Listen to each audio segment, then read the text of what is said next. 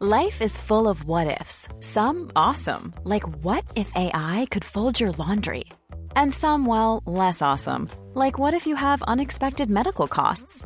United Healthcare can help get you covered with Health Protector Guard fixed indemnity insurance plans. They supplement your primary plan to help you manage out of pocket costs. No deductibles, no enrollment periods, and especially no more what ifs. Visit uh1.com to find the Health Protector Guard plan for you. Everyone knows therapy is great for solving problems, but getting therapy has its own problems too, like finding the right therapist, fitting into their schedule, and of course, the cost. Well, BetterHelp can solve those problems. It's totally online and built around your schedule. It's surprisingly affordable too. Connect with a credentialed therapist by phone, video, or online chat, all from the comfort of your home. Visit betterhelp.com to learn more and save 10% on your first month. That's BetterHelp, H E L P. Hej, du lyssnar på det tolfte avsnittet av Brittas och Parisas podcast i vilket vi avhandlar Oscarsgalans höjdpunkter och besvikelser, fejkade hatbrottsattacker och även lite gammal hederlig svartsjuka. Glöm inte att ratea oss på iTunes, då blir vi superglada. Välkomna!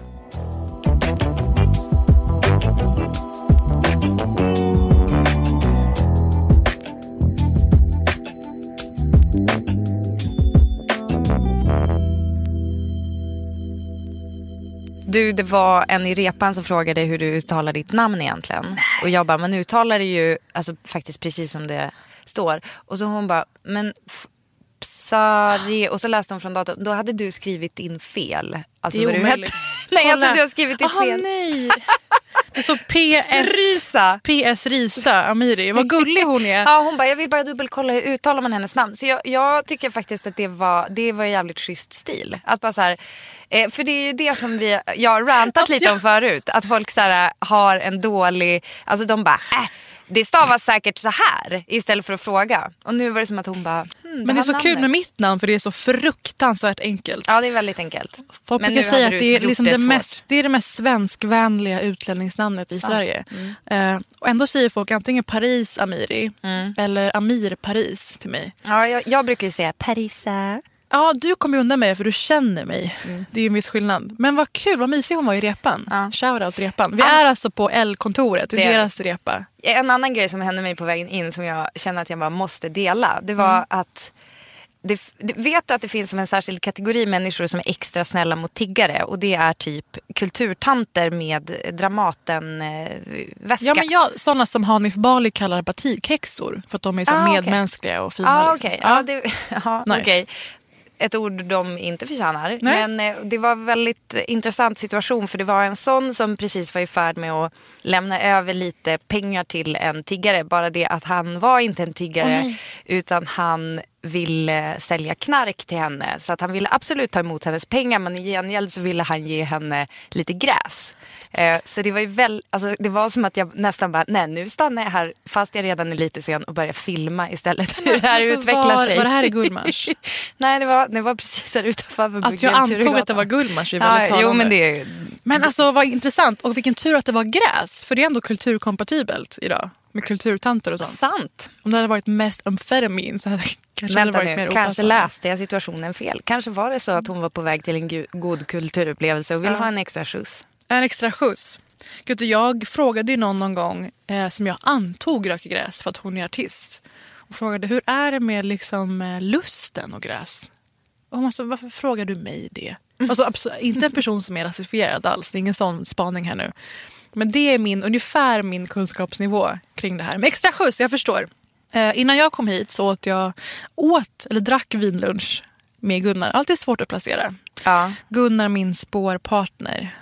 Eh, och numera spårvinnarpartner. Alltså, så, alltså det är nästan som att jag känner så här. Det har varit sån pepp kring det här. Så att nu känner jag så här. Behöver du mer? Alltså, är, börjar du bli dryg? Är huvudet, är huvudet för stort? Det är så kul att du säger det. För jag har verkligen tänkt så här. Men gud, det här kommer säga så mycket om människors alltså, grundläggande psykologi. Hur man är mot mig efter en sån här sak. Ja. Eh, för att, alltså, jag tycker att vi är någon slags underdog bragdpar. Vi är ganska ja. oväntade, på pappret i alla fall. Ja men alltså som... vad, sa jag det här i förra poddavsnittet eller har någon annan sagt det och jag bara blandar ihop i huvudet. Men att, så här, att det är som att du bara oj, jaha är det så här var med På spåret? Alltså, Du, ty- typ du tycker att jag har varit så- falsk? Nej, i podden? nej, alltså, Nej. nej. nej, nej, Noll falsk. Bara otroligt naiv på ett sätt som säkert har tjänat dig bra. Det tror jag Alltså, så här, är att- Jaha, oj, kunde Va? man dra nu? Vad fan är Hoppsan. det du säger? Jag, alltså, det tycker jag, det försöker jag eh, säga ifrån mig nu på skarpen. För jag tror att många gärna vill få det till det. För att jag har varit så, jag kanske har verkat som det. Men det har ju varit att jag har velat driva med att man är så nervös och stressad. Fast du får inte missta det som att du på, det, på något sätt är okunnig. Nej okej. Utan mer bara Men så här- naiv är som att jag inte är ett, ett tävlarhuvud. Att jag råkade vinna På spåret. Alltså jag råkade av andra skäl. Att det var bra frågor för oss. Men jag, inte, jag är inte inställd på att liksom det ska gå bra för oss. Men du kan ju inte heller säga så här, det var bra frågor för oss. Det var väl, det var Jaha, väl att får- ni var bra. Jag får inte vara ödmjuk och jag får inte inte vara ödmjuk. Bestäm dig Britta! Nej okej, men om vi skiter i Britta lite. Eh, så gick vi och vann På spåret. Jag säger bara det rakt ut ifall någon liksom, eh, söker på det här tjänsten där man kan söka på olika ord och söker om hundra år. Och bara, det fanns poddar förut, intressant. Nej men på riktigt, det var ju kul. Och jag har fått vara hemlig så fruktansvärt länge. Och Britta, tack för att du har varit en sund själ och sagt till mig när jag har sagt någonting. Snälla, säg inte hur det har gått. Mm. Folk har ju varit... Jag var med hos Tilde de Paula i Efter fem i fredags. Precis innan, för att prata om Oscarsgalan. I direktsändning frågade hon, ja men hur gick det? Ni vann eller? Nej. Och jag eh, blev ganska ställd. Eh, man ser att jag tittar med ögonen runt om i, studion och jag säger, är vi live eller inte? Jag förstod inte. Liksom. Jag hade ju inte sagt ändå. Men folk har gjort det till en sport av att försöka få en ur balans lite grann. Och råka avslöja någonting. Alltså är det så, jag kan också känna, är, har jag tråkig personlighet för att jag är så jävla rättrådig i vissa Nej, fall? spännande tycker jag. Jason Priestley, nej, vad heter han? Alltså i Brandon i 90210. Nej, men vad är det för referens? Nej men det är liksom den tråkigaste karaktären någonsin. Du känner till tv-serien? Ja, men jag bara är stann. Jättelångt bak i huvudet finns den ändå. Och det var som, jag kommer inte ihåg vad han gjorde. Men det var som att han gjorde aldrig något som var fel. Låter som jag. Han seglade aldrig liksom lite vid sidan av eller gjorde något lite i mörkret. Utan bara så här, berättade för mamma och pappa direkt. Det kändes lite fel. Typ så. Okej, det är kanon. jag. Det är jag i Ja, det här det sammanhanget. jag. jag drack två öl på någon hemmafest och ringde pappa efter en kvart och fick skjuts hem. Det var jag när jag var 17. Liksom. Ehm, ja, skrattar du? Skrattar du? Men vi som inte, vi som inte liksom var, var fulla i högstadiet, alltså jag och Gunnar. Look at us now bitch!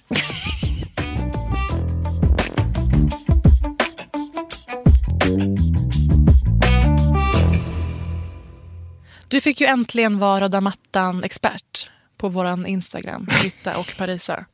Med den äran skulle jag säga. Ja, alltså självutnämnd och också självfälld. Ska jag säga det? Alltså för det som hände var ju att jag liksom på något sätt kickade ut mig själv genom att ehm, Alltså det började starkt. Jag satt i eh, Alltså, Alltså, apropå goda- Oscarsgalan. Ja, förlåt. På Oscarsgalan. Eh, så eh, otroligt upp, otrolig uppladdning. Du hade också på något sätt gett mig dispens. Att så här, den här gången ska du få prata om kläder. Trots att du är noll intresserad. Du bara okej Britta. Stryker mig medhårs. Jag gillar alltid roliga omdömen. Ja, det är det, kul. det är jag ett fan av vad det än gäller. Ja, kul. Eh, och då så, eh, så börjar jag liksom, går ut starkt och sitter och frenetiskt laddar. eh, Jag var då inne på Vogue.com och kollade röda mattan-feeden. Eh, och eh, sen så ropar mitt barn att, alltså hon vaknar, hon ligger och sover då, men hon vaknar och vill att jag ska komma och lägga mig bredvid henne. Och det här är också i en period jag ligger ju självklart fortsätter jag ligga och kolla telefonen trots att jag ligger bredvid och typ stryker henne på ryggen. Men där börjar, jag liksom, där börjar jag lagga lite grann i deras rapportering. Alltså jag får liksom inte ny info. Det kanske händer något på röda matten, går segt eller så. Så jag somnar. Du somnade av att det var så 17 jävla starka segt. lux hann jag se typ. Okej, så Britta skyller inga- på Vogue.com. Ja, och men du fick inget upp, högvilt. Nej, men du fick upp ganska skarpa omdömen ändå. Det var nog Elton John-peak till Aquafina för hennes eh, rosa glittriga kostym. Var det inte roligast att hennes min var när Mattis får den där iskalla hinken vatten över sig. Bara! Välkomna till så, re- så hade hon, bara, hoppsan, Ja, här. Nej, men alltså Som hon, Parisa när hon vinner På spåret. Ja, men det är inte, inte, det en tacksam eh, sak att vara ändå? Var någonstans vara. Alltså, det är lite Jennifer Lawrence första rundor på den där mattan. Att hon alltid var så chockad över att se andra kändisar. Kommer du ihåg det?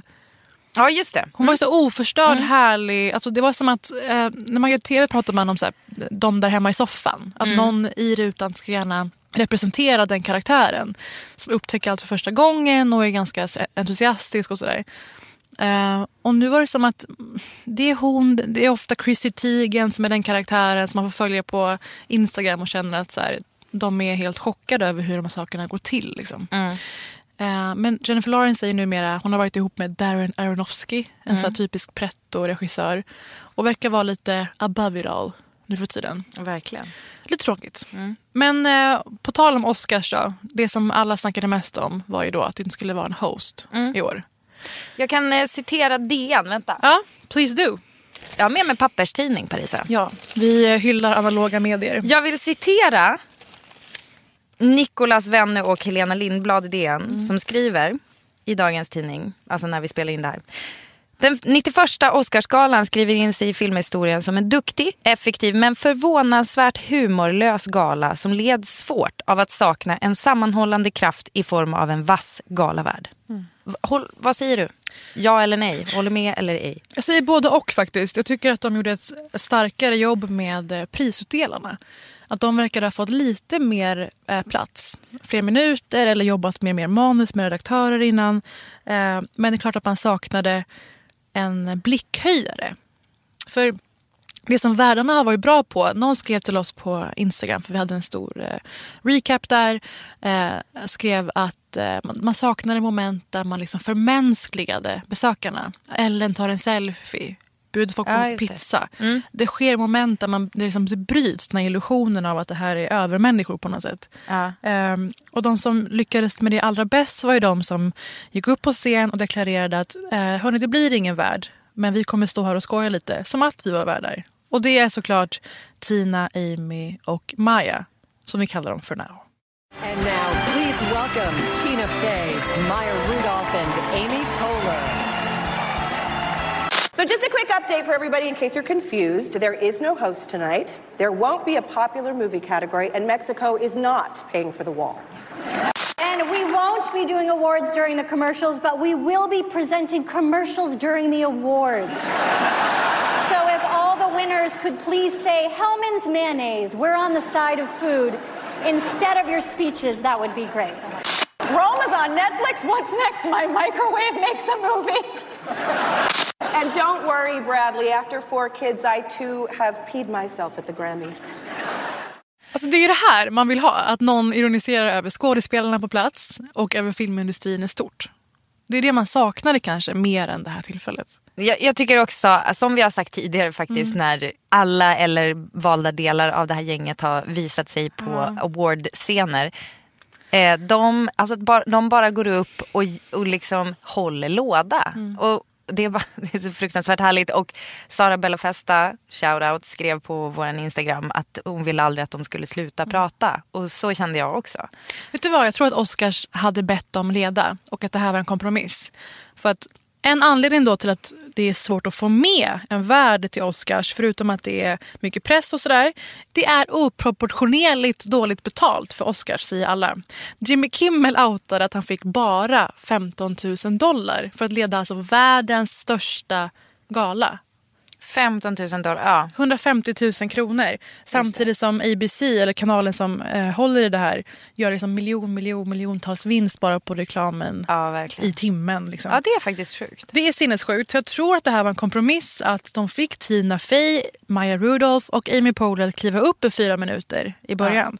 Men man saknade ju alltså det här skämtet om Netflix till exempel. Ja. Det är ju någonting som vi kommer kunna kolla på om 20 år och bara, ah, det var den eran som den här galan befann sig i Du saknade fler sådana tidsmarkörer? tidsmarkörer, alltså kontexter. Eh, de drev om Bradley Cooper kissade på sig i A Star Is Born. Spoiler, men vad fan, skärp er. Mexiko Ja. kommer inte betala för väggen. Ja. The wall. Allt sånt som, som placerar oss där vi är. Det, det som man kanske vill ha i en sån här gala.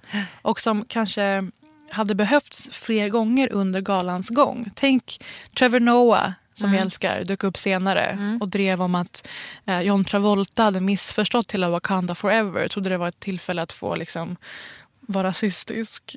Och eh, det hade behövts ett sånt, men kanske att han allierade sig med typ John Mulaney som också har en stor eh, position just nu och fick stå och driva lite i publiken. Hur då? Vem är det? Vem är John Mulaney? John Mulaney gjorde jättehyllad eh, special, special förra året och har varit med på En SNL stand- väldigt en mycket. stand-up-komiker. Ja, så det saknade jag lite faktiskt. För det är vad den världen, eller vad världar kan åstadkomma Mm. egentligen. Och publikinteraktionen.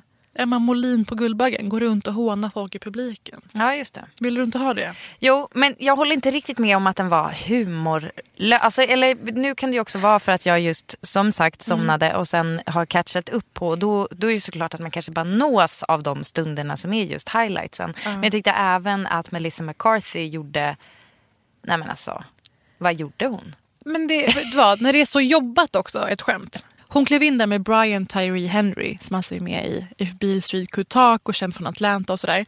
Eh, och hon var liksom iförd någon slags billig maskeradversion av The Favourite. Alltså en stor, ett stort släp, påsydda mjukiskaniner. De Jajamän. kaniner som då Queen Anne har skaffat för hennes döda barn i filmen. Helt, helt utan kommentar såklart, som man ska göra kliver in med sitt långa, långa släp. Och han har blandat liksom någon Wakanda-stil, alltså Black Panther, med The Favourite. Regalness. Men jag gillade, jag gillade att det, var, det är ju på gränsen till trams på något sätt. Alltså Oscarsgalan är så himla så här där uppe på Mm. piedestal. Och därför så känns det så himla kul att de har eh, alltså ballat ur lite. Men det är det att någon måste driva med kvällen. Ja, Så exakt. Melissa McCarthy hade också varit en bra värd. Trevor Noah, han drog ett citat på Xhosa, som man säger ett native language. Min brorsa kan säga det. Han, han har bott i Ja, Kapstaden. just det ordet ja. Mm. Eh, och eh, han påstod att han sa att vi är som starkast när vi slåss tillsammans. Mm. Men det han sa på språket var eh, de vita människorna vet inte om att jag ljuger. Så fint internskämt! Ja, jättekul. Är inte det en stark shoutout Ja. till eh, sitt folk? Ja, verkligen. Men det bästa på galan var ju såklart, eh, det är ett pris vi är mest glada för, antar jag. Vilket? Att Olivia Colman vann Best Actress för The Favourite. This is hilarious. An Oscar. um, to be in this category with these extraordinary women and Glenn Close, I, you've been my idol for so long, and this is not how I, I wanted it to be, and I, I think you're amazing. My kids are at home and watching. Look. Well, if you're not, then well, kind of well done. But um, I sort of, sort of hope you are. Alltså, det mest brittiska maner man sett någon föra sig med. Får inte du lite mer pepp på... Alltså vi har pratat tidigare om att du... Eh, nej. Det, det har kommit fram på olika sätt, i, inte vet jag, kanske inte i den här podden, men att du har liksom en aversion mot England. Jag sa i ett På spåret avsnitt att jag är anglofob. Och det här har ju folk då ställt mig mot väggen med på internet. Och det, därför man kan, säga, alltså man kan säga att man är anglofob än så länge är för att det är en av de mest upphöjda nationerna med upphöjd kultur i denna värld. Det är inte på något sätt liksom hets mot folkgrupp Nej, förenat. än så länge. Än så länge, men nu med Brexit, vem fan vet. Eh, och det säger jag ju inte för att jag... Alltså, så här, när jag växte upp så var det ju att man valde mellan att tillhöra liksom den coola så amerikanska hiphopen, sitcomkulturen, mode, allt vad det var, musik. Eh, och jag var ju en så rap och USA är inte baskettjej. mycket på mode, men fortsätt. Men rap och baskettjej, det var Sant. FUBU som gällde, det var hela den, hela den grejen. Eh, mot då de här kidsen i min skola som gick runt i smala jeans och spretigt hår och så körde någon sån här britpop-stil. Mm. Så jag, alltså det är ju en, en, det är min första princip i livet kanske. Du har aktivt positionerat dig mot Men det var ett sånt måste då. Liksom. Ja, fattar. och sen älskar jag ju jättemycket saker. Eh, men kallar mig ändå anglofob. Så det finns ingen rimlighet i det här. Förutom att jag aldrig har varit där. Det Men du måste ju ändå hårt. bli lite peppad av just Oli- Olivia Colman. För hon har en så typisk, just den här eh, filterlösa eh, babblandet som är så Mm. Alltså, jävla mysigt. Välformulerat babblande. Ja, absolut. Det är det bästa man vet. Välformulerad filterlös dröm. Det är ju du och jag. Alltså, In jag är prime. fan inte det. In ja, prime. ja. Nej men så här, vad fan menar du? Att jag ska åka till England och förvänta mig att folk Mm. är Olivia Colman-nivå? Eh, ja. Ja, det enda som... Folk på puben är på den nivån. Kallar den för darling och love till höger och vänster. Är, alltså det är ett pissigt land på många sätt. Bland annat att de fortfarande inte har lärt, lärt sig blanda det utan har liksom varmt vatten här borta och kallt vatten i en kran där borta. Eh, Du driver. Det är- och, och heltäckningsmatta inne på toaletter, absolut det händer fortfarande. Men Det det, det finns en kulturell, ett kulturellt mys som jag gillar. Men det är lite besides the point, vi pratar om Oscarsgalan. Det, du, det här var en underbar utläggning. Vi ska åka dit snart i alla fall. Men det som det här highlightar är ju vad som kanske är det mest kritiserade priset under kvällen. Och det är ju att Best Picture, årets bästa film, gick till Green Book. Har du sett någonting av den här kontroversen? Kontrovers? Nej det har jag faktiskt inte. Det som det, det gäller är att Green Book har varit så omgärdat av skandal ända sedan det släpptes. En av de som ligger bakom filmen är ju Peter Farrelly som är känd för att ha gjort en film som är väldigt central i Britta och Parisa-podden, nämligen Shallow Hal. Ja just det. En av de mest, eh, en av de mest avskyvärda filmer som gjorts. Där Jack Black är en ytlig kille som ändå själv inte passar in i normen men avfärdar alla kvinnor som inte har BMI minus. Och där Jason Alexander, alltså George Costanza, för oss som känner till honom så, han avfärdar en tjej för att hon har en lång, lång tå. Livslångt komplex som sagt.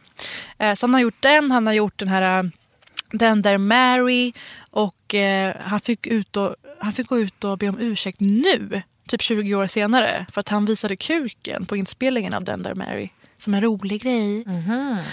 Som en rolig grej. Um, så det har varit jättekritiserat att han ska vara ute och veva om en film som handlar om mänskliga rättigheter och the civil rights movement i USA. Och det är han som är manusförfattare. När det här med Trumps eh, uttalanden om World Trade Center och muslimer gav sig. Han twittrade att eh, muslimer stod och, och hyllade och hade fest när World Trade Center eh, blev attackerat. Mm.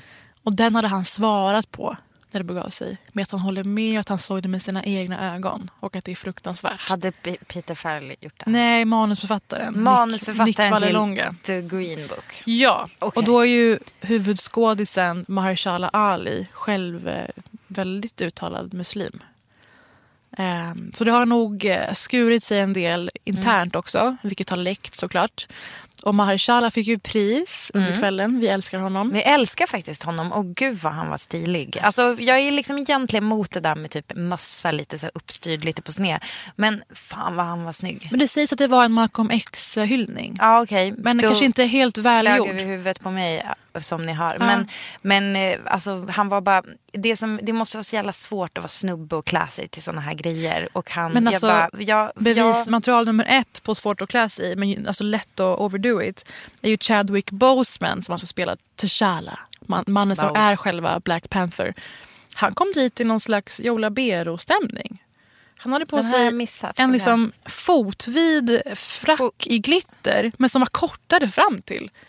Med axelvaddar och med en silkig scarf runt halsen som gick ner till knäna ungefär. jag tycker A for effort och ändå för passform. Det- Den satt väldigt snyggt över gullig. axlarna. Alltså Britta, gud vad du behövs i Ja, men här jag, podden. tycker, jag tycker det är fint ändå. Alltså, du vet, som jag sa, det är ju ändå svårt att klä sig som kille och eh, det är ju så här, vad ska man göra? Typ ha en smoking. Och en som lyckades bra på Golden Globes tycker jag var han, heter den A Beautiful Boy, Ja. Steve Carell-filmen? Lillpojken? Lill Timothy Chalamet. Timothy Alla Chalamet. tjejers eh, våta dröm. M. Night Chalamet's son. Det finns ordvitsar på namnet. Gör det det? Men vadå, vad gjorde, vad gjorde han, Han då? hade, jag bara googla honom och Golden Globes. Han, Han hade hade en någon liten sele. piffig, ja, en liten sel och en liten blus typ. Och, alltså det var, jag tyckte att det var väldigt starkt. Så jobbat. BDSM-stämning. Den det vibben, var touch av BDSM. det gillar jag verkligen i Men, offentligheten. men ändå, jag vet inte om det var hans liksom, oförstörda uppsyn som kanske balanserade upp det. För ah, jag hade nog inte gillat det på nämnda Joe Labero till exempel. Joe Labero ska hålla sig undan från sexscener. Joe Labero ska hålla sig undan, punkt. Alltså han kanske har en sexgunga med i sin akt nu för tiden. Jag är oinsatt. Jag kan tänka mig det. I alla fall, men Green Book då. När Green Book vann Best Picture eh, så stormade tydligen Spike Lee ut från galan. Nej, han gjorde en eh, Linda Lindorff. På Ja, på Kristallengalan Kristallen. brukar ju hon alltid gå ut om hon inte... Hon är ofta nominerad för Bonde söker... Alltså, hon är Bonde söker fru-programledare och brukar ganska ofta med hjälp av Folkets kärlek tror jag bli nominerad till bästa programledare. Mm. Eller att Bonde söker fru blir nominerad till typ årets livsstil. Grejen är att när hon då får höra att hon inte har vunnit då brukar hon storma ut ur lokalen. Det har hänt flera år i rad. Hon är så jävla vokal med det här i media. Ja. Alltså. Och så kan, man, kan man förlora så ja, ska man verkligen ens benämna det då? Jag tycker att det är kul. Det är ganska kul att hon, hon kör. att hon hon bjuder kör. på det. Ja. Men Spike Lee stack i alla fall. Han tyckte det var blasphemy. För det var, det var ju väldigt många andra långt mer lysande filmer. Men jag har mina teorier. Mm. Vill du höra? Ja. Eh, så här är det. Det känns som att Oscarsgalan som gillar utländska filmer. Speciellt sådana som har gått bra i USA. The Favourite är ju en, en British movie vad gäller skådespelarna. Och eh, Roma är ju en mexikansk eh, regissör. När han fick eh, pris för årets utländska film, Alfonso Cuarón för Roma, som folk antog skulle bli årets film. Det är alltså Netflix-filmen som, det, det var ju Mm. faktiskt sjukt, en sjuk skräll att den var nominerad. Och det var ju Ja. också det som Tina Fey skämtade om. Och det är också en superfaktor i detta att de som röstar på Oscars, alltså typ 8000 filmarbetare, vill nog inte premiera Netflix mer än de måste. Ja, okej.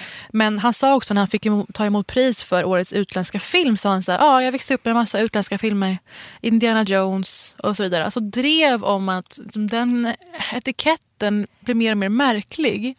Ja. Och jag tycker att de borde bestämma sig, typ som Guldbaggen. Om inte filmen är antingen inspelad i Sverige eller gjord av liksom svenska medborgare, vad fan gränsen går.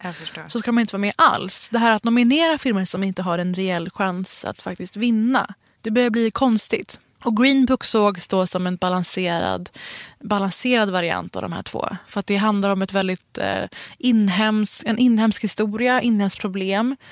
Alltså den djupa södern på 60-talet. En svart eh, pianist ska ner och turnera där och möter... Ja, det var ju fortfarande eh, segregation då. Eller for, fortfarande uppdelat. Eh, att eh, så kallade colored hotell förekom. För att de fick inte bo med vita, fick inte använda toaletter med vita. Och allt det här visar de så bra i filmen. Så jag tror att det var alltså, close to home, eh, ordagrant. Och det är synd någonstans att det väger tyngre än en, en riktigt bra film. Green Book är en jättefin film. Den, den, man blir berörd. Den är intressant. Man får upp ögonen för hur det funkade på den tiden. Men alltså filmmässigt. Alltså mästerverken Roma och The Favourite. Det kommer inte i närheten. Det är lite som att ge Love actually en film. Fast en mer medveten sådan. En Oscar till Love actually. Ja, fan. Det är som att ge Love actually en Oscar. Om Love, alltså inte för att det är så mycket sämre än Roma. Men för att det är inte det är inte samma, samma arena ens. Nej. Ja, men så det kommer nog bråkas eh, vidare om i veckan. Sen tycker jag att det är kul att Bradley Cooper och Lady Gaga har fått ett parnamn. Det har gått så långt det här att folk försöker projicera det som de uppfattar i filmen på dem i verkligheten. Att de nu har eh, parnamnet Bradga. Bradga. Det sitter inte bra i munnen. Nej, jag tyckte ju att eh, Gadley var roligare. Gadley. Men du, du, du, jag fattar inte, då måste man nästan ha ett Lady Gadley där då. Ja, Lady Gad Gadley. Ja. Det är roligare ju. Ja. Men vad tycker du? Tycker du att det är rimligt att folk kör? De ständiga kommentarerna, att folk ska lägga upp bilder på dem och skriva Gud, om jag var hans fru skulle jag bli så lack nu. De uppträdde tillsammans på galan det var så jätteintim stämning. Det, i Paris, att det var knullig stämning, det var vad det var. Nu säger vi det rakt ut. In the sha sha la la la lo. In the sha Det var, alltså, jag tycker inte nödvändigtvis att Irina Shayk, hur man, alltså hans eh, fruga, om det är det, eller tjej, eh, gorgeous modell, kallar vi henne. Ja. Hon är väl någon sån här, har säkert gjort någon, varit någon ängel i Victoria's Secret eh, show Säkert. eller så. Ja. Hon har väl inte, tycker jag, nödvändigtvis anledning att oroa sig. Därför att de mest tråniga blickarna tycker jag kommer från Lady Gaga. Och så tycker jag lite grann att, alltså, alltså mycket av deras kemi, för det är ju en otrolig kemi. Och det är ju helt sjukt. Alltså jag tror att väldigt stor del av A Star Is Born tycker jag är typ deras otroligt magiska stämning. Men det, jag tycker att det är väldigt, väldigt mycket Lady Gaga som bär den. Mm. Alltså hon ser ju typ ut som en liten skolflicka när hon tittar på honom. Men han- hon ser också ja. ut som en liten skolflicka när hon tar emot en award, vilken som helst. Så att så här, allting kan gud, bara vara ett spel för gallerierna. Jo, men alltså, folk känner ju så mer och mer. Men det är någonting märkligt med att så fort det är en kvinna och en man då som eh, har det här nära samspelet och är fina mot varandra utan att vara tillsammans så börjar spekulationerna. Och det är inte lite tröttsamt och lite B? Alltså det skulle vara det om det inte var så jävla knullig stämning. Jaha. Men, Ja, jag vet inte om jag tycker att det var det. Det är som att jag tycker att hon, han har varit så stöttande mot henne och hon verkar vara ett, hon verkar vara så, inte labil, det är ett fruktansvärt ord, men så i behov av stöd. Ja, ja, alla som har sett hennes eh, Netflix-dokumentär, den här Five Foot Two, eh, vet ju det. Att hon behöver ju någon som stryker henne över ryggen. Absolut. Men alltså jag, jag fick liksom ett sms av min eh, killkompis efter eh, Oscarsgalan med ett meme eh, där någon har lagt upp Me after shallow och så är det en ritad eh, runa, nej vad heter det, en gravsten. Där det står died horny. Åh gud. Det är ju stämningen och att han även frågar mig i samma tråd. Sitter du på någon inside info om de, om de har? Men gud, han tror I- att för att du jobbar med tv i Sverige att du har någon slags connection till, Bra- till Lady Gag- Gadley. Jag, tycker, jag känner mig extremt, alltså det här var kanske ett humble brag. Att någon överhuvudtaget skulle tro att jag sitter på inside info. Alltså vi, vilken inside skulle det vara? Men ja, hur. Otroligt kul. Det Du- var ju vad alla kände när man såg det där. Ja, kanske det. Men det är i alla fall de mest kvarvarande grejerna av Oscarsgalan som jag har sett. Mm. Har du sett något mer som folk har reagerat på? Eller som du har tänkt på? Som har snackats om på internet. Ingenting mer än att jag måste nämna att eh, Emma Stone hade en fantastisk klänning. För det fick jag, jag, jag I min eh, klänningsbevakning så missades det. Men alltså hon hade en helt sjuk eh, med jättestora axlar och eh, någon slags nätbrynjehistoria. Varför gillar jag alltid såna? Ja. Men eh, fantastisk var hon i alla fall. Starkt. Tack Oscarsgalan.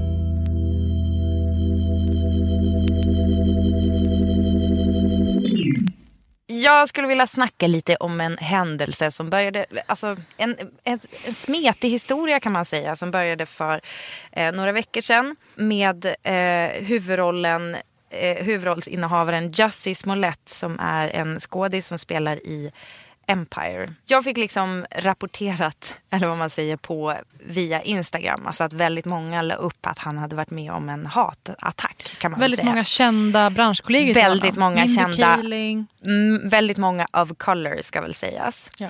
Eh, som la upp då att han hade blivit eh, brutalt misshandlad av ehm, några som hade, hade de sagt något om Make America Great Again eller någonting? Det, det var, Hela jag har för mig plotten- att det var så här maga, Hela, hela plotten var två män som hade på sig MAGA-kepsar, alltså Make America Great Again-kepsar.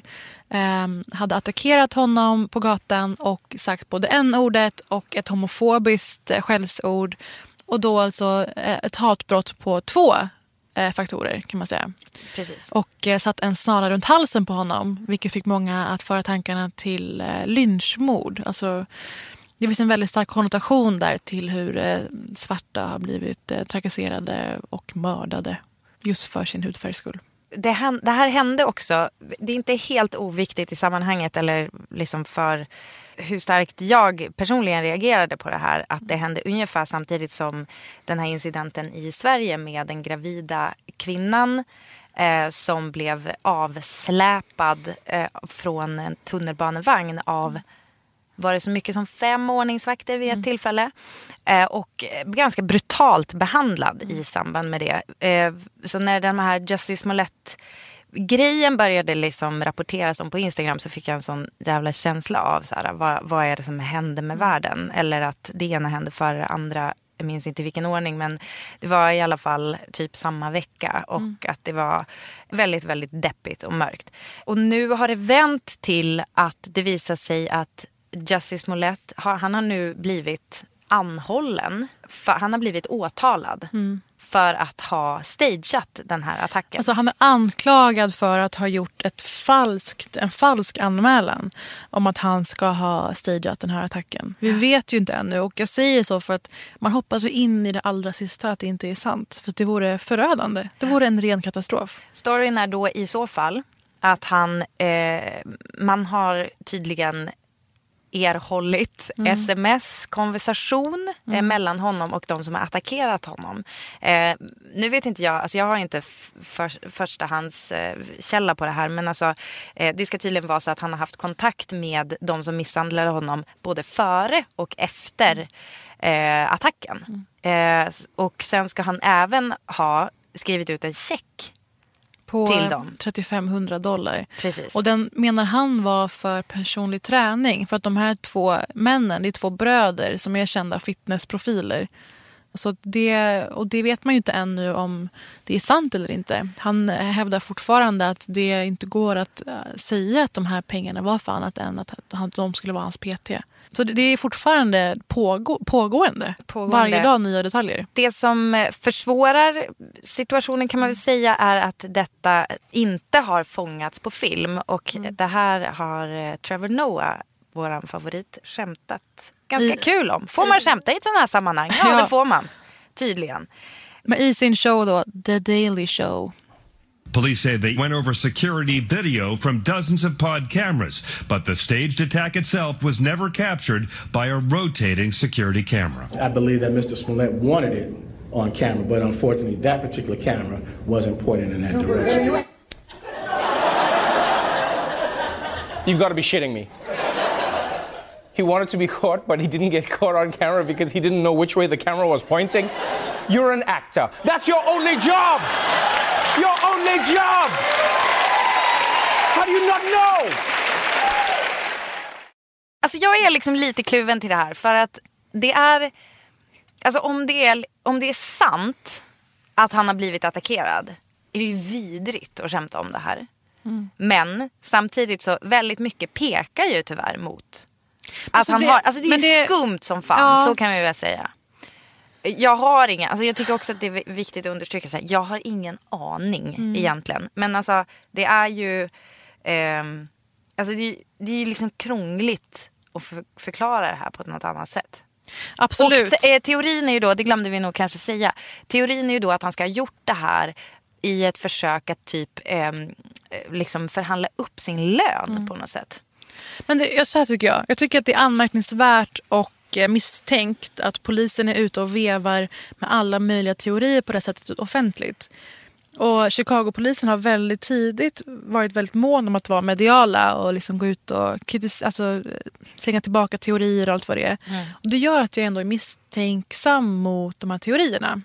För sen har man kunnat visa på att eh, Justice Smolletts agent, agenter inte haft någon konversation med Empire alls om missnöjdheter kring, eh, kring lön.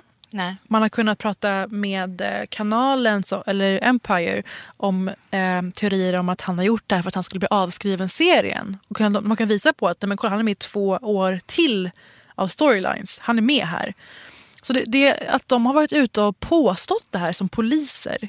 Alltså, alltså man måste förstå att alltså för mig, polisen i USA går inte att jämföra med polisen i Sverige. För Nej, att det alltså sker för- så offentligt. Alltså mediebeteendet är ju Mm. också ett helt annat därför att man skulle ju i svensk media, alltså det är ju, det är ju emot egentligen all, all etik och alla regler att gå ut och kommentera en pågående Absolut. undersökning. Så här. Det känner ni ju igen. Alltså jag menar utan att vara insatt i exakt hur polisen, polisens pressavdelning jobbar så Mm. vet ni känner ju igen citatet. Jag kan inte kommentera en pågående utredning. Det Mm. läser vi i tidningen hela tiden.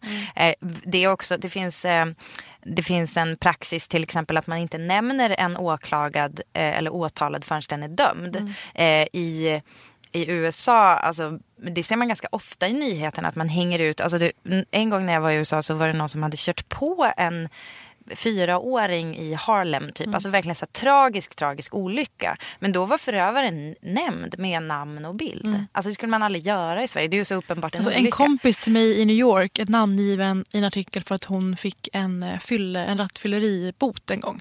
Oj, oj, Då var det en oj. Ja. lokal tidningsartikel. Alltså, I det lilla samhället där hon har sommarhus.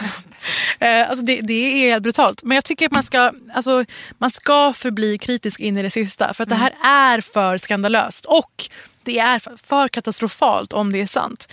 Alltså Fox News, de ökända, eh, som är anti allt vad gäller eh, antirasism. De bekänner inte att rasism existerar i USA. Nej. De är emot idén om feminism till exempel. Eh, för dem är ju det här som att Obama har gått ut med att han visst är kenyan. Så lyckliga är de över det här förfarandet. Och man kan jämföra det lite som att ja, men varenda gång en sverigedemokrat visar sig vara eller visar sig ha skrivit något rasistiskt på, på Facebook. Ja. Hur medier i Sverige jublar då liksom slänger sig över det. Ja. Förutom att när detta händer i motsatt fall så är det någonting som verkligen kan hämma en rörelse. Det det här säger är att när en person som identifieras som svart, identifieras som homosexuell, när han gör någonting som kan, kan komma sig vara ett snedsteg, då får det representera en hel rörelse, en hel samhällsfråga, eh, en hel grupp. I detta fall även två grupper. Det och det jag- är så talande att det är vad det är att vara en marginaliserad grupp. Att när eh, man eller de eller vi gör någonting fel, då får det färga hela den gruppen, hela Mm. den frågan. Alltså grejen är så här, och det, jag vill återknyta det här till den situationen med kvinnan som blev avvisad från tunnelbanetrafiken i Stockholm. Eh, det som eh, hände direkt i mitt eh, kommentarsfält på Instagram var ju att folk bara, ah, men vad hade hon gjort då? Alltså att folk är direkt misstänksamma. Vad hade hon gjort? Eh, Okej, en gravid kvinna som blir hög, en höggravid kvinna som dessutom, inte helt oviktigt i sammanhanget, förlöste sitt barn eh, för tidigt efter den här händelsen. Alltså kanske typ en vecka efter så kom Och barnet. var i förverkare i stunden. Ja, precis. Eh, Hon var på väg att söka vård på grund av förverkar eh, och sammandragningar och eh, var i en extremt utsatt situation som det var. Eh, Blir påhoppad av eh, tunnelbaneväktare. Eh, direkt säger folk på Instagram, ja ah, men vad hade hon gjort då? Och poängen är det här, du ska inte behöva vara god för att slippa rasism. Du ska inte behöva sitta vackert, vara artig och eh, liksom störa ingen för att få slippa rasism. Eh, ordningsvakternas roll i det här är alltid att lugna situationen, att dämpa eh, alla typer av oroligheter. Och Jag, jag har kompisar som är poliser på ganska hög nivå som, som själva gav sig in i det här och, och liksom eh, försvarade den här kvinnan. Att så här, eh, ordningsmaktens roll är i det här fallet inte att stegra situationen. Det är aldrig det. Hon skulle kunna ha varit en raging lunatic. Hon skulle ändå inte ha blivit bemött på det där sättet. Och det är liksom det som är hela poängen. Att frågan är inte så här, vad hade hen gjort innan? För att, för, för att då, alltså det och det, uh, mellanraden är ju då för att förtjäna det här, den här behandlingen. Det är eh, liksom eh, det är på en strukturell nivå som man har rätt att slippa att bli utpekad på grund av att man inte har liksom typiskt alltså blont hår och blå Mm. ögon. Det är det som är hela jävla poängen. Alltså jag, är li, jag är livrädd för såna här fall. För alltså liksom, jag är iranier. Så fort det hade hänt någonting i Mellanöstern när jag gick i högstadiet. Då var det så här, the talk of den veckan gentemot mig. Att hela tiden få bära en hel liksom, grupp eller världsdel eh, mot sig själv hela tiden. Var Och- folk då eh, Liksom, kom folk till och med fram till dig och var kritiska? Eller Ja, är det ja mer så gud. undrande? Jag är inte ens muslim, men det var liksom konstanta saker om det. Ehm, men eh, det här, jag är livrädd för att, det här gäller i Sverige också, så fort det händer någonting som visar sig- vara ett snedsteg eller ett problem så kommer det att underkänna en hel samhällsfråga, en hel rörelse. Och det får bara inte hända. Alltså, vi kan inte hamna flera år bak i den här frågan. Och det värsta av allt är nu att folk har börjat para ihop Justice Smollett med Kamala Harris som är alltså en av eh, pres- presidenthoppen i USA. Det är eh, guvernören, eller senatorn i Kalifornien. Ah. Jättekänd kvinna, om, alltså, hyllad av liksom, ganska många kända liberaler från Beyoncé till allt vad det är. Eh, och hon har varit på tal om att kunna vinna Demokraternas eh, nominering till presid- president. Hon är så pass stor och omtyckt. Och nu finns det en teori om att hon var med och skapade den här, eh, den här händelsen. Men såklart att det finin en teori. Alltså det är som att, att hon har orkestrerat detta från början till slut för att eh, propagerar mot magga-kepsarna helt enkelt. Men alltså det, och jag vill bara säga en sak om det här fortsättningsvis. Det hylla blicken till... Alltså så fort någon gör någonting fel och representerar en rörelse. Alltså gå inte på den lätta att låta det eh, färga hela din, din, upp, din uppfattning av den frågan och de som eh, strider för den. Jag vill också påminna om det faktum att, som en person twittrade som jag tyvärr inte kommer ihåg vem det är, men Justice Smollett har eventuellt, eventuellt, vi vet inte, ljugit. De, I USA finns en sittande president som ljuger factually, alltså vi vet att han ljuger 15 gånger varje dag. Det är liksom, alltså det är det, det är det vi har att jobba med. Alltså det, jag kan säga det här för jag, alltså, ingen bryr sig ju. Nej, men för att det är också sant. Nej, men alltså, ingen bryr sig ju om att jag säger det här. Men det, det är så jävla frustrerande. Att det är liksom en människas eventuella, vi vet inte ens, lögn blir så uppblåst. Och det finns så mycket konspirationsteorier och bla bla bla. Och nu är tydligen Kamala Harris med i det här på något sätt. Det, det finns paralleller att dra till Hillary. Alltså hur hon blev behandlad och hur lätt folk tror på den där skiten. Det finns ju youtubers som sitter och snackar om, alltså emellan att de sitter och spelar. Den här infon fick jag via min bonusson när det var under presidentvalskampanjen. Att så här, ja men Hillary är ju också lika dålig. Nej vadå, alltså du vet man måste, alltså det, det är så här, eh, folk bara slänger sig, ur sig fakta till höger och vänster och eh, det mesta är ju bara hittepå. Ja, men och återigen det här då att folk representerar marginaliserade grupper eller eh, samhällsfrågor som är emot rasism och för feminism och så vidare döms så jävla mycket hårdare på snedsteg och att det får representera hela rörelsen exakt varje gång.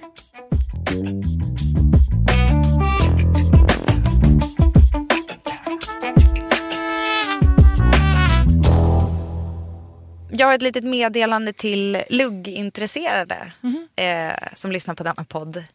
Jag har, förutom att svarat väldigt flitigt på alla som skickar in sina olika luggfrågor till oss, har jag faktiskt suttit och svarat på. Eh, det är väldigt kul. Det vill jag tacka för. Men jag har i tre hela veckor lyckats missa att luggarnas lugg, Hannah Simone, CC New Girl, har klippt sin lugg. Ja, Hon, jag som- Mm. tog upp det.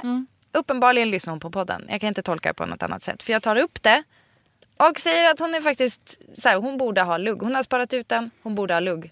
Nu har hon klippt sin lugg. Alltså hon gjorde det utan att få eh, råd från dig. Som så många har fått Alltså, nu. Jag gick in och läste igenom Hon hade ju redan fått rådet i podden.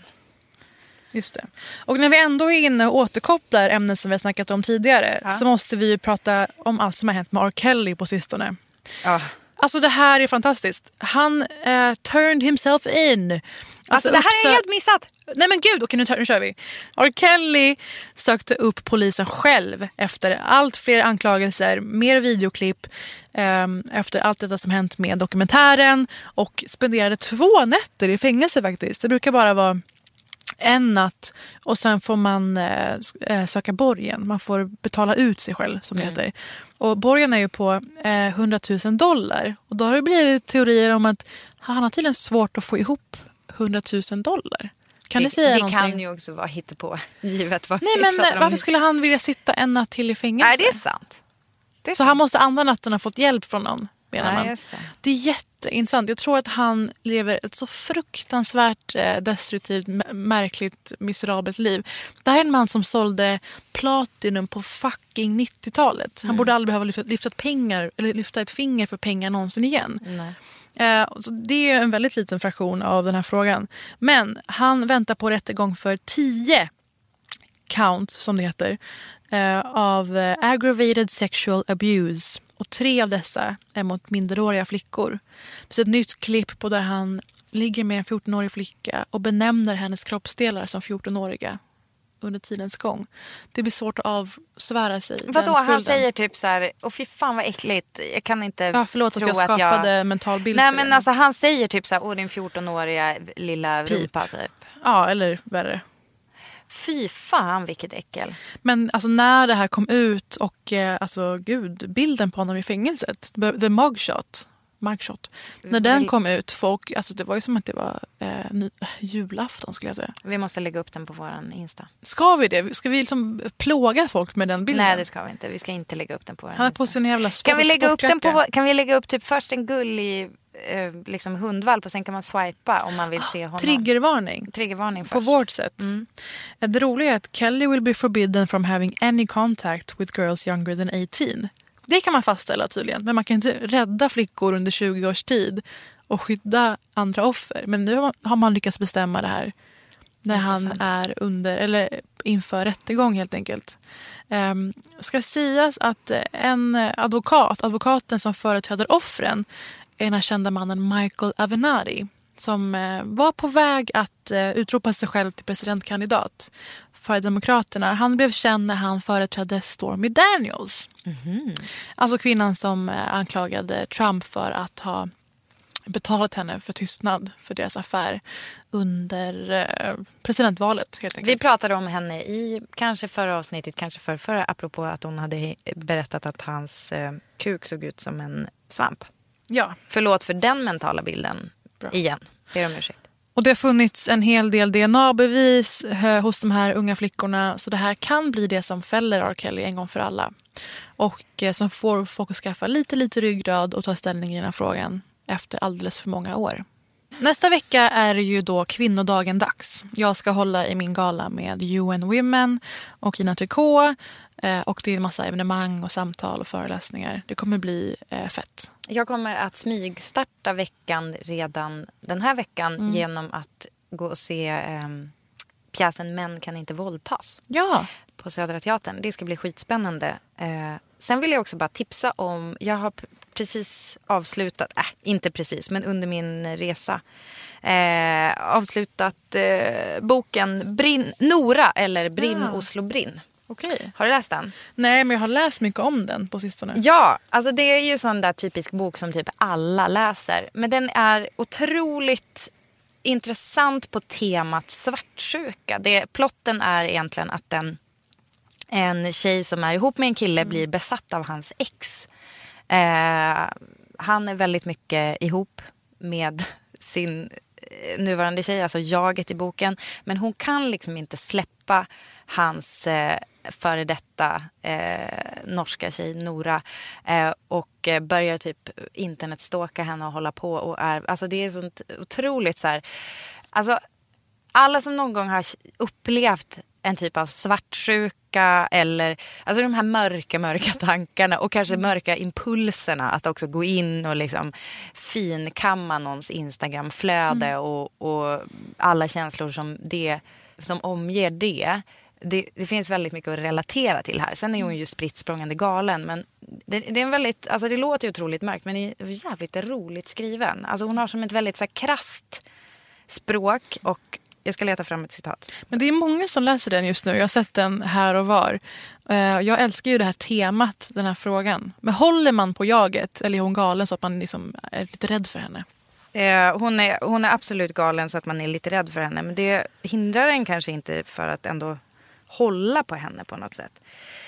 Berättarjaget och hennes kille går i alla fall till en terapeut. För alltså, han, han är ju kär i henne och, men tycker ju också att hon är galen. Och det tycker Hon man ju är också som öppen med läser. sin svartsjuka mot honom. är Ja, ganska öppen. Ja. ganska öppen. Och ehm, det här är då bland annat hennes funderingar hos terapeuten. En präst som heter Görel. Det börjar i Instagramflödet. På en bild stod Nora med en kamera vid höften och såg sökande och tankfullt bortåt, ut ur bild. Vad såg hon? Vad låg utanför linsens räckvidd? Bildtexten härvid erklarar jag ett eller, eller annat, för lucket förklarade inget. Vad hade avslutats? Hennes fotografkarriär? En artistisk bildserie från Oslos gator? Bilderna var suddiga av något som måste ha varit kärlek. Görel frågade om jag mådde bra av att se de här bilderna. Klockan på väggen tickade. Det var uppenbart att jag förväntade svara nej. Hur kunde hon tro att det fanns ett svar? Att saker antingen var bra eller dåliga? Hur kunde den blandning av fasa och njutning som Noras mammas Instagram... Ja, hon är inne på hennes mammas Instagram för övrigt. Hon har gått så djupt. Deep scroll, ja. Den blandning av fasa och njutning som Noras mammas Instagram ingöt i mig ligger så långt bort från den snusande prästens fattningsförmåga. Frågan om varför man tittar på något som inte gör att man mår bra var så förlund, förunderligt platt. Kan de förklara mekanismen som gör att vi vänder blicken mot det outhärdliga? Det finns saker vi inte vill se. Ändå fortsätter vi att titta. Ja, den är så läsvärd. Läs Jag är, jag är jätteintresserad av den här frågan Mm. om svartsjuka. Att det är att man plågar sig och råden till partnern är ju att inte eh, enabla det här kontrollbehovet som det egentligen är. Just ju. det. För det som hon mår bra av är ju känslan av kontroll. Hon tillgodogör sig mer information genom att kolla på fler bilder. Mm. Men det hon mår dåligt av är, alltså vad är det hon föreställer sig? Känner att Nora var mer älskvärd än henne? Eller att de hade en bättre relation än de två har? Vad är det hon jämför Exakt med? Ja men typ allt. Alla fantasier om att de hade det bättre eller att hon är Mm. snyggare och härligare. Och jag tror kanske att hon också kommer fram till att hon kanske objektivt är snyggare. Och liksom den, och deala med det. Det är också så här, killens roll i det här är Mm. ganska passiv. Alltså, eller äh, inte, alltså han gör väl väldigt mycket för henne kanske. Men alltså hon beskriver inte så här jättemycket hur han agerar. Utan det är väldigt mycket så här att hon att det händer helt och hållet i henne. Mm. Alltså att, och att det där liksom bara maler på utan att egentligen få något nytt bränsle.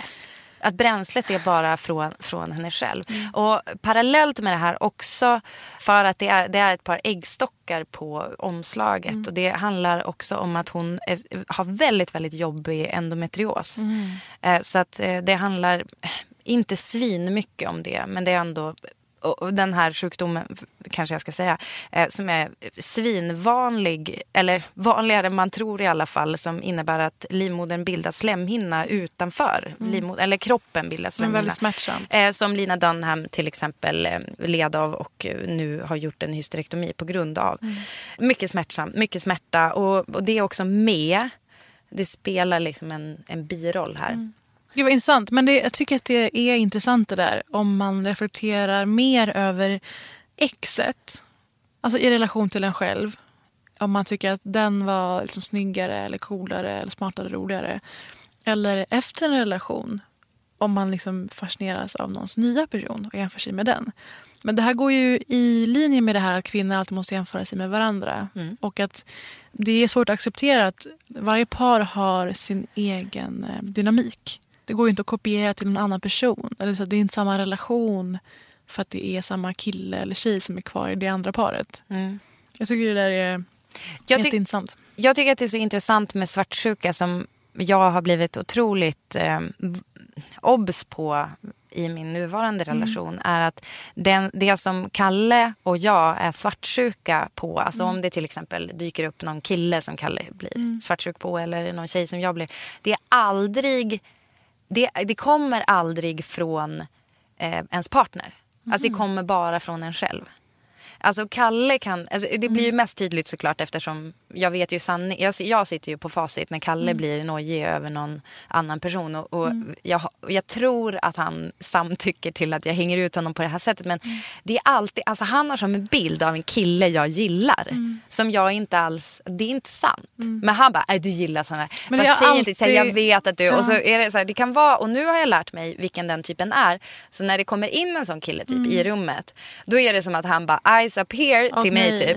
Fast jag tittar ju för att jag vet att nu kommer en sån där kille som Kalle tror att jag kommer tycka är het. herregud. Förstår du? Så att men, det har gått så långt att jag nästan får skuldkänsla för att jag vet så här, åh nej nu kommer han att bli Mm. orolig. Men det är ju inte, för, alltså, det är inte, så här, det är inte på ett så ohälsosamt sätt som Nej, det skildras alla, i den här alla boken. dras ju med det här. Men det du, det du sätter fingret på är att det är självreflekterande. Att det som man själv upplever Ja. sig sakna eller vara dålig på.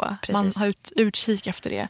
Man håller utkik efter det. Gud vad bra. Vad hette boken nu igen sa du? Nora eller Brinn, Oslo Brinn. Och den är skriven av Johanna Frid. Johanna Frid. Gud vad bra att du sa allt det här. För jag blev lite avskräckt av att det var en livmoder på omslaget. Ja men jag förstår det och det är många som, eh, alltså, jag har faktiskt pratat med en person väldigt nyligen där jag Mm. bara du borde läsa den. Hon bara jag har den hemma men är inte det, eh, det kändes som så här typ att hon hade fått den för att hon är feminist. Ja, eller att det var en tonårsbok. Var min ja, ja. ursprungliga tanke. Men det är så mycket klittkonst nu. Vet du fan folk håller på med.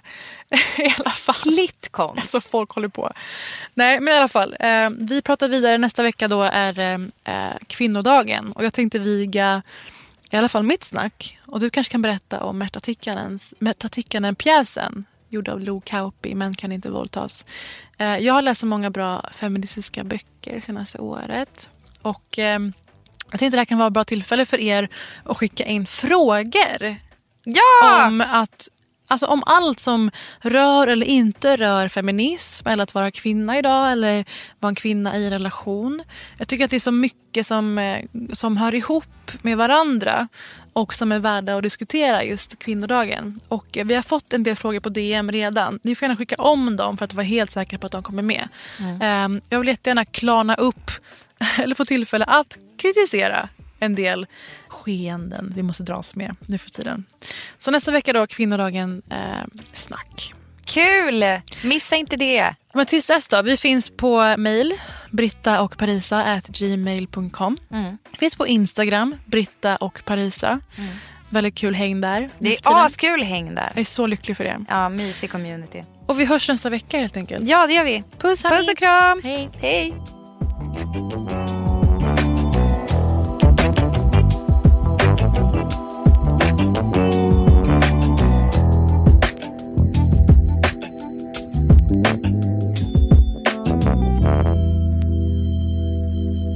En podd från L.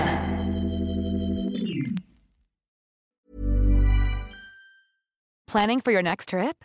Elevate your travel style with Quince. Quince has all the jet setting essentials you'll want for your next getaway, like European linen, premium luggage options, buttery soft Italian leather bags, and so much more. And is all priced at 50 to 80% less than similar brands. Plus, Quince only works with factories that use safe and ethical manufacturing practices. Pack your bags with high-quality essentials you'll be wearing for vacations to come with Quince. Go to quince.com slash pack for free shipping and 365-day returns. When you make decisions for your company, you look for the no-brainers. If you have a lot of mailing to do, stamps.com is the ultimate no-brainer. Use the stamps.com mobile app to mail everything you need to keep your business running with up to 89% off USPS and UPS. Make the same no-brainer decision as over 1 million other businesses with stamps.com. Use code PROGRAM for a special offer. That's stamps.com, code PROGRAM.